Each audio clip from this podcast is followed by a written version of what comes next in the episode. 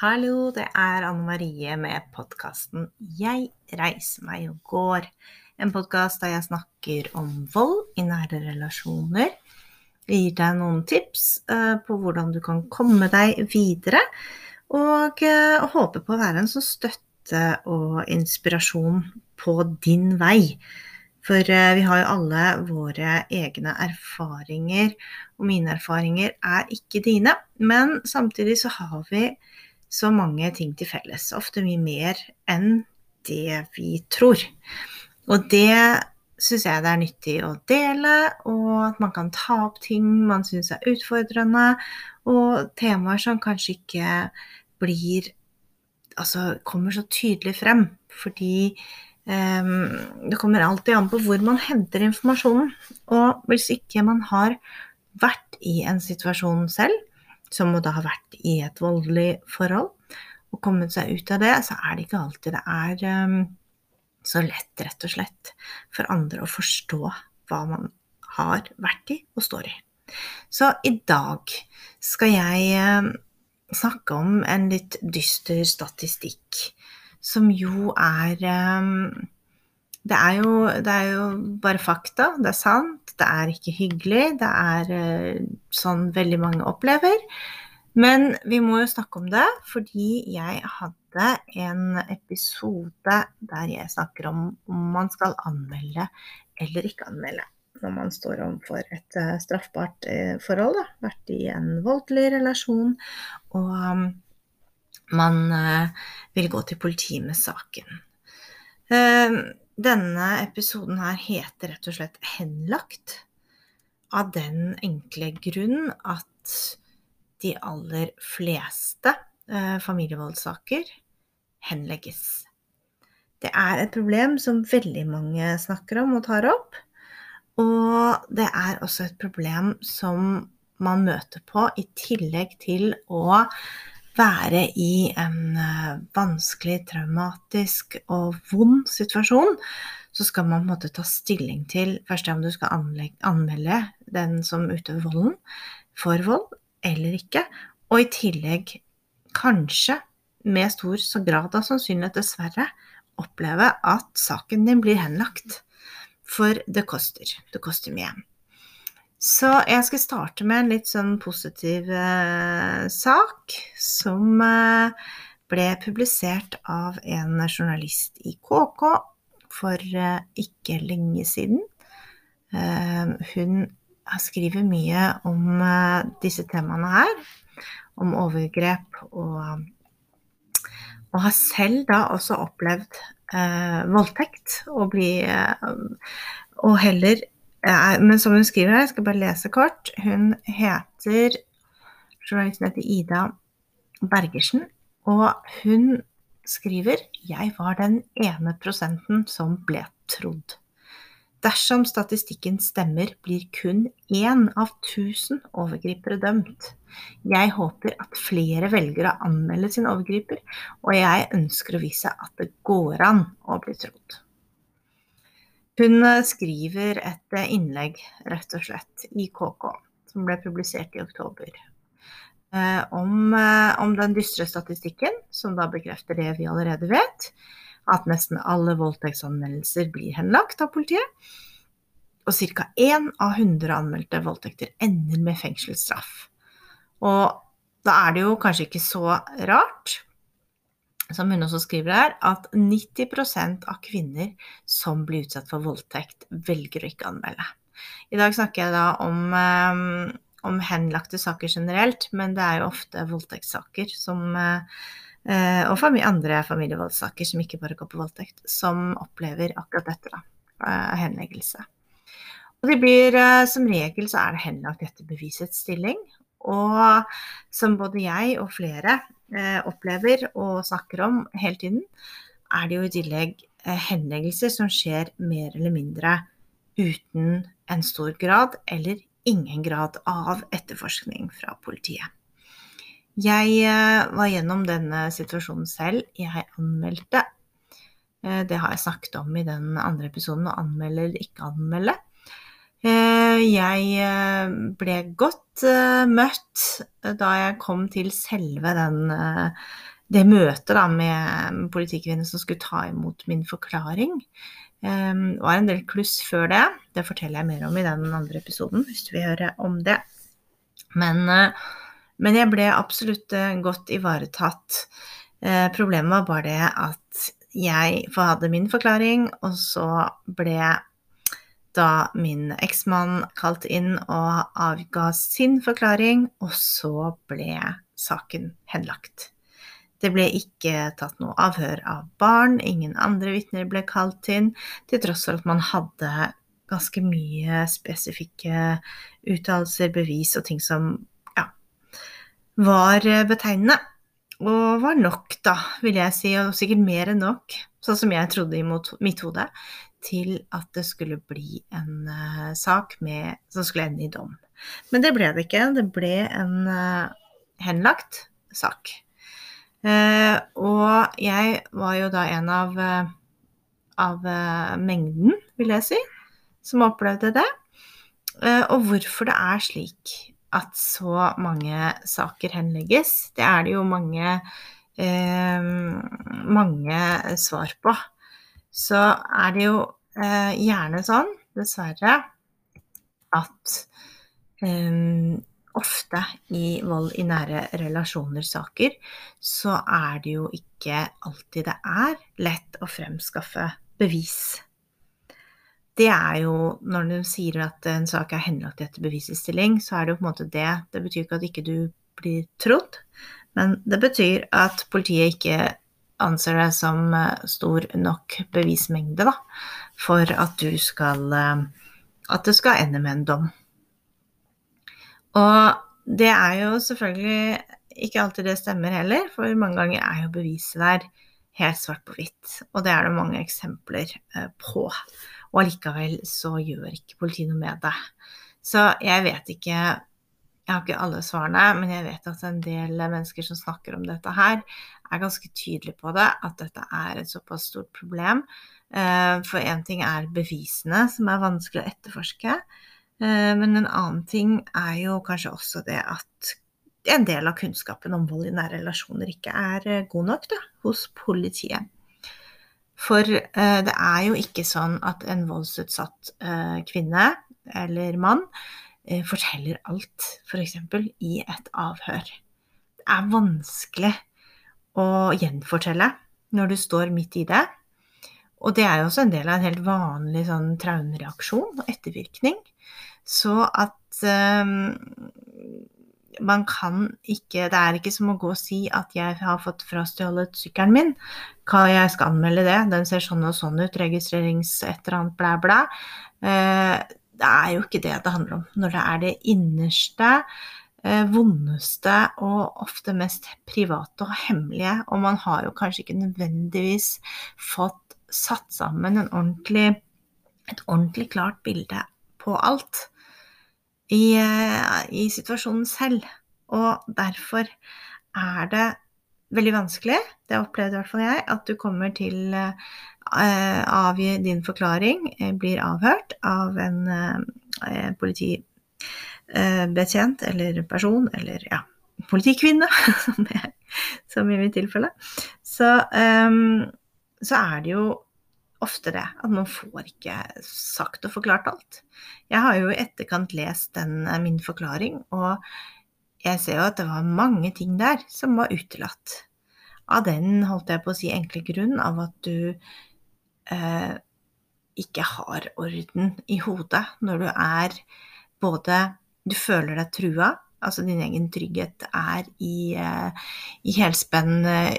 Du, du klarer ikke å oppleve trygghet, du, du tenker mest på det å bare kunne overleve, da er det vanskelig å gjenfortelle detaljer om ting som egentlig er såpass grove.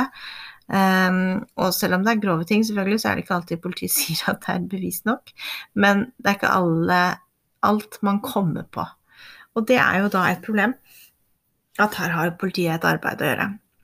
De burde faktisk hatt noen uh, skjemaer, noen ting man bør tenke på fylle ut og gå gjennom før man i det hele tatt kommer til det første avhøret. Hvis man har flere avhør, så er man jo på en måte heldig. Mitt ble jo bare ett. Så, sånn at man har den tanken klar på forhånd. Jeg kan jo f.eks. gi deg noen tips, jeg nå, hvis du står fortsatt i den eh, situasjonen at du ønsker å anmelde, er usikker. Før du går til politiet, så hadde jeg eh, skrevet ned så godt som overhodet mulig alle hendelser som du kommer på som er eh, grenseoverskridende, som er eh, vold av forskjellig art kan det være psykisk mishandling, utskjellinger, eh, materiell vold, kasting av ting og um, fysisk vold, du blir slått, klort eller holdt nede eller alle disse tingene her. Eller seksuell vold, du blir eh, voldtatt f.eks., eller blir tvunget til å gjøre handlinger som du absolutt ikke vil. Altså skriv ned alt sammen. Gjør det før du i det hele tatt skal til politiet.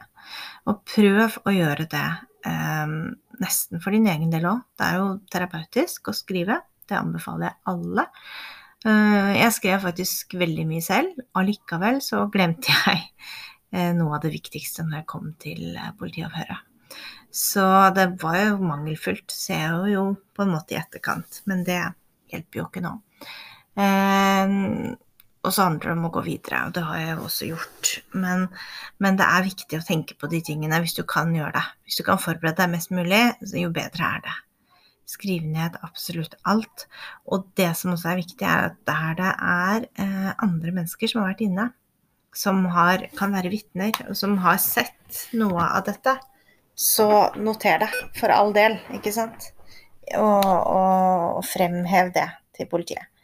Fordi eh, såkalte eh, ytre eller eksterne vitner som på en måte kan bekrefte det du sier. De er det viktigste. Og ofte sånn i rettsvesenet og instanser sånn til sist så teller jo disse mer eller mindre nøytrale vitnene, hvis du kan kalle dem det, som er uh, folk som jobber i offentlige instanser.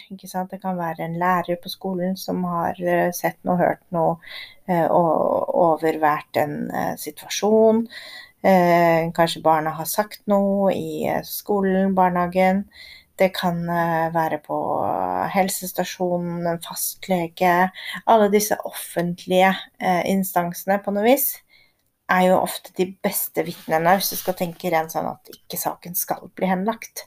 Så tenk på det, om du har noen der som du bare har glemt, og som du må eh, få med deg. Det er lurt. Så er det jo sånn at saker som henlegges, kan også gjenopptas. Du kan eh, få omgjort den henleggelsen hvis du kommer tilbake og kanskje har kommet på noe nytt, og du får hjelp av en bistandsadvokat. Så det er ikke sånn at en sak er ferdig. Det hender at det som sagt uh, omgjøres, og det blir eh, dom. I denne journalisten uh, sitt tilfelle her, så var hun ikke alene. Hun var, det var en kvinne til som hadde opplevd det samme med samme person da, senere eller tidligere eller noe sånt. En eh, sånn sovevoldtekt, som man jo da kaller det. Eh, og når begge to da gikk til anmeldelse sammen, så ble den ene trodd, ikke den andre.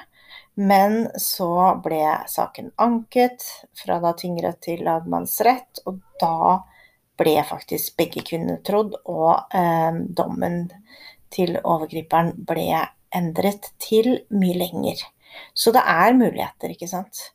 Så det er, jo, det er jo kanskje mitt største sånn også, som jeg er enig med, med hun eh, journalisten Ida her, som, eh, som, snakker om det, som har opplevd det, og var eh, den ene prosenten som blir trodd.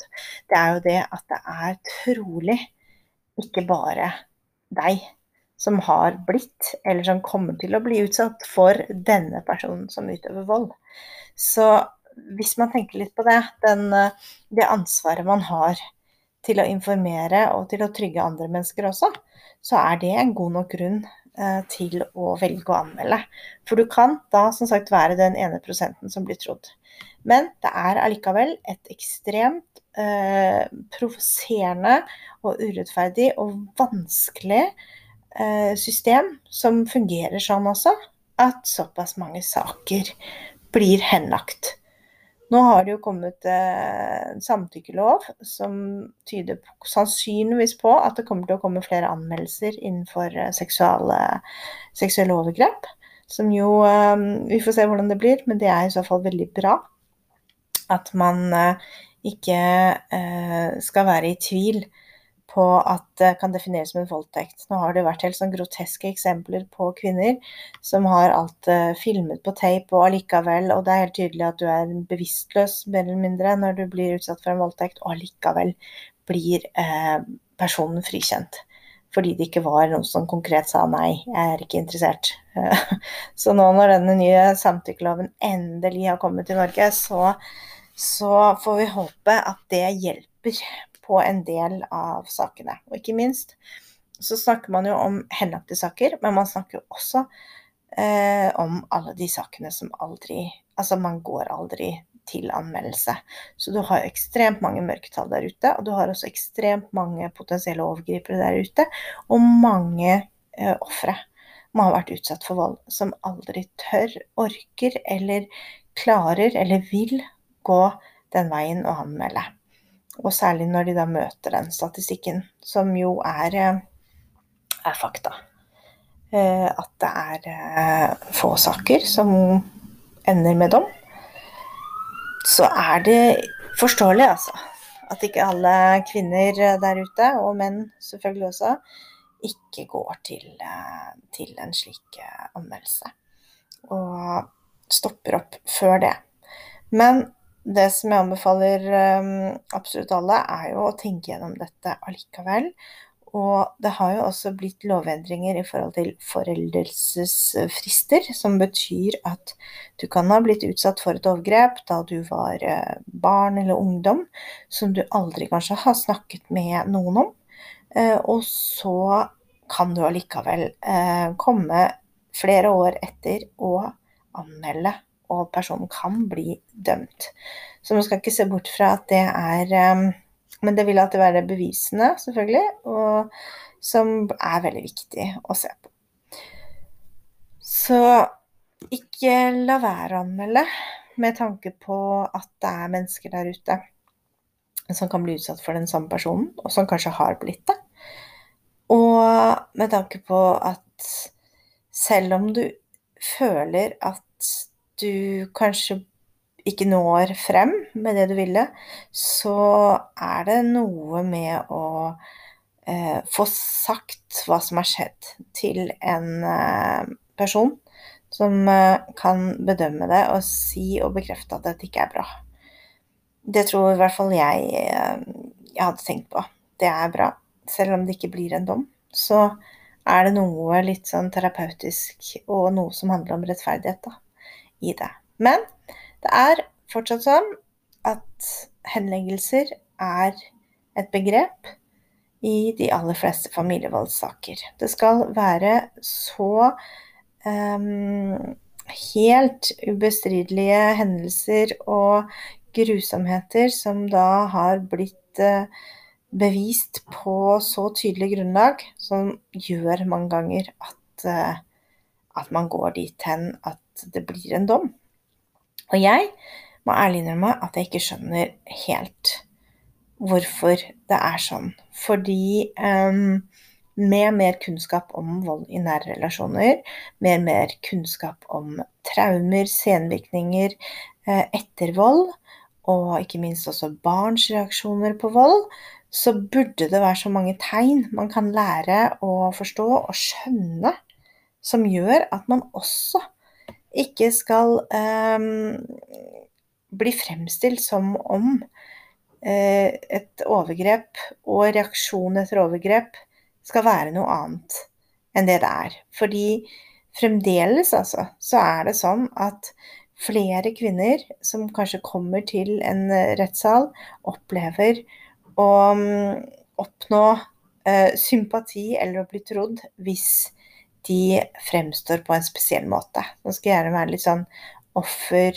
men stakkarslig, men eh, hun skal ikke ha vært eh, påvirket av alkohol. Skal, altså det er fortsatt disse gammeldagse, eh, gammeldagse, merkelige situasjonene. Og det at man ikke engang har peiling på situasjoner som freeze, ikke sant. At du eh, At det er helt vanlig at kroppen kobler ut dissosiasjon. At du ikke klarer å fungere når du er truet på livet da klarer du ikke å fungere.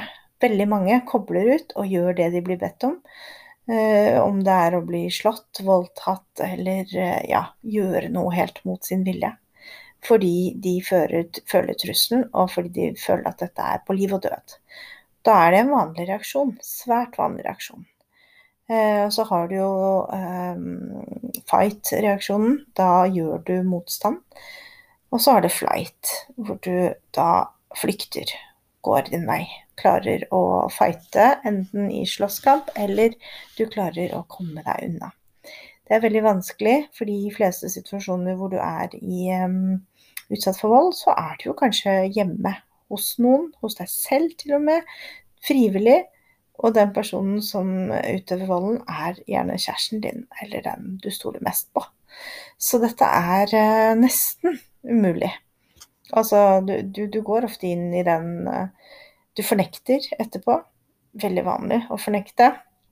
Også en stor grunn til at når du først anmelder, og at man kanskje ikke får med alle viktige um, hendelser og situasjoner når man anmelder. Det er også fordi man går i en fornektelse.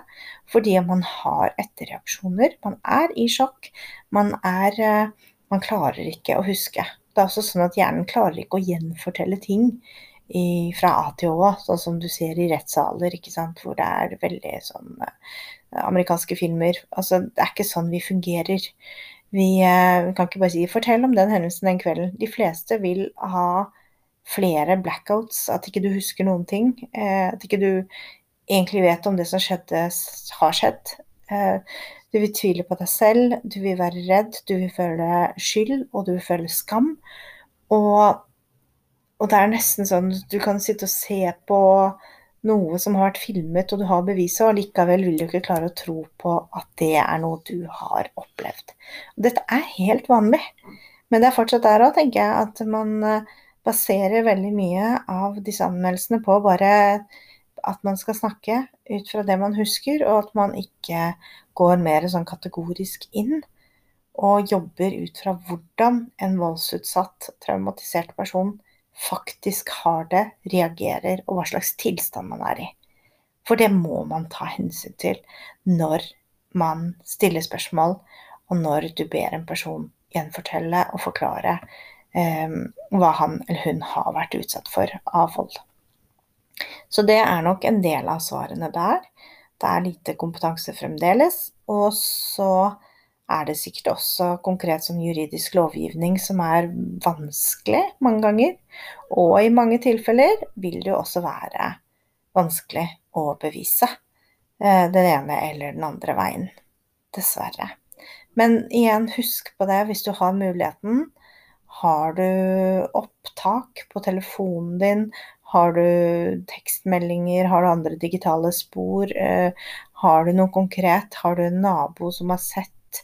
Har du noe filmet? Eh, noe som gjør at du kan bevise ting enda sterkere enn ved å gjenfortelle det med dine ord, så er jo det helt uh, supert å ha med seg når man skal anmelde. Henlagt, ja, det var tema. Det er eh, mange der ute som jeg vet jobber med akkurat å belyse dette. Og, og få det slik at den som utøver vold, er den som får straff, og den som blir utsatt for vold, ikke skal være den som får enda en ny straff. Fordi man opplever at saken faktisk blir eh, henlagt. Eh, det er et håp, i hvert fall, og et ønske om at det skal komme mer bevisstgjøring rundt dette. Og da tror jeg vi har all mulighet i verden til å påvirke. For både, både de som har vært utsatt for vold, at vi snakker høyt og tydelig om dette. og snakker om den høye henleggelsesprosenten, og virkelig ikke gir oss. Så det merker jeg jo at det her eh, ligger det og lurer seg en del ting hos meg òg som jeg tenker må ut og fram enda sterkere. Eh, og hvordan det tar form, det er jo allerede noen planer på gang her, men det får jeg komme tilbake til. Når, eh, fordi litt aktivisme og litt sånn eh, eh kampvilje, det trenger vi. Og det er vel den eneste måten vi kan få til endringer på. Så politikerne må bevisstgjøres. Nå har vi en ny regjering som eh, har mye de skal ta inn, og jeg håper at de kommer til å gjøre en mye sterkere jobb enn den forrige. Eh, og eh, vi har viktige stemmer der ute som kan også være med på å belyse dette her. Så hvis man gjør det sammen, så har jeg troen på at man ikke har en episode som heter 'Henlagt'. For det må være mulig å føle at en rettferdighet anerkjennes, at man har blitt utsatt for noe grovt, at man får den eh, riktige skylden der skylden skal være plassert, hos den som har utøvd volden, ikke den som har blitt utsatt. For det er jo et sånt evig mantra. Det er ikke din skyld, det er ikke din skyld, og det er ikke din skyld. Det er jo igjen den derre skammen. Jeg har jo en egen episode som handler om skam, um, som du også kan høre på. Den er jo noe som plager eh, hodene våre, og særlig hodene til de som har vært utsatt for vold. Du hele tiden går inn i en sånn uh, usikkerhet rundt hva som har skjedd, og at det kanskje var din feil, og at uh, det ikke var så ille. Fornektelse og i det hele tatt. Du kan høre på den episoden hvis ikke du har gjort det. Den heter uh, Skam. Um, ja, så det var dagens episode om um, alle de henlagte sakene innenfor familievold og uh, overgrep. Så jeg håper, som du, og sikkert flere, at dette kommer til å bli historie, og at vi kommer til å gå videre og føle at vi er stolte over en uh, større andel anmeldelser som ikke blir henlagt, og at det kommer flere anmeldelser også. Det er så viktig, for det er som sagt så mange mørke Altså anmeldelser som aldri kommer frem. Fordi folk aldri Det er så mye grove voldshendelser som ingen vet om. Annet enn de kvinnene og mennene som sitter der i de tusen hjem, og alle barna, og alle mennesker det påvirker. Og det påvirker jo et helt samfunn når vi blir utsatt for vold. For det er så vanlig at har du blitt utsatt for vold, så er det ikke så lett å komme tilbake i, eh, til livet med en gang. Og du kan bli sykmeldt, du kan være ute av arbeidslivet, og du kan få en god del eh, vanskelige, alvorlige sykdommer og diagnoser i etterkant, som gjør at ting eh, koster både deg, men også samfunnet, da, både sånn økonomisk og også sosialt og emosjonelt og alt. Så vanvittig mye. Så alle har å vinne på at um, vi tar det på alvor. Selvfølgelig økt kunnskap om vold, forebygging, men også det som skjer når du har blitt utsatt for noe. At du blir tatt på alvor. At ikke saken din blir henlagt etter bevisets stilling uten etterforskning, eller med minimal med etterforskning, eller uh, ingen etterforskning. Og så får du bare det brevet henlagt. Det vil vi ikke ha mer av. Det vil vi ikke. Så det er altså en oppfordring til alle politikere der ute. Bli kjent med denne problematikken med uh, hva vold betyr, og gjør noe med det. Og det kan gjøre at vi får til endringer som er viktige. Det var dagens ord. Og send meg gjerne en eh, direktemelding på Jeg reiser meg pod på Instagram. Jeg eh, har fått flere sterke, fine meldinger fra utrolig mange flotte kvinner det er jo mest kvinner som kontakter meg, um, som har delt av sine historier. Og det setter jeg veldig pris på. Og jeg heier på dere, og sammen ved å dele og ha et fellesskap, så kommer vi oss videre. Vi reiser oss, og vi går. Vi går vekk fra det vonde, vekk fra volden, og vi blir sterke igjen. For det gjør vi. For livet er fullt av håp, endring og glede. Ikke glem det. Så ta vare på deg selv, og så snakkes vi snart igjen. Klem fra Marie.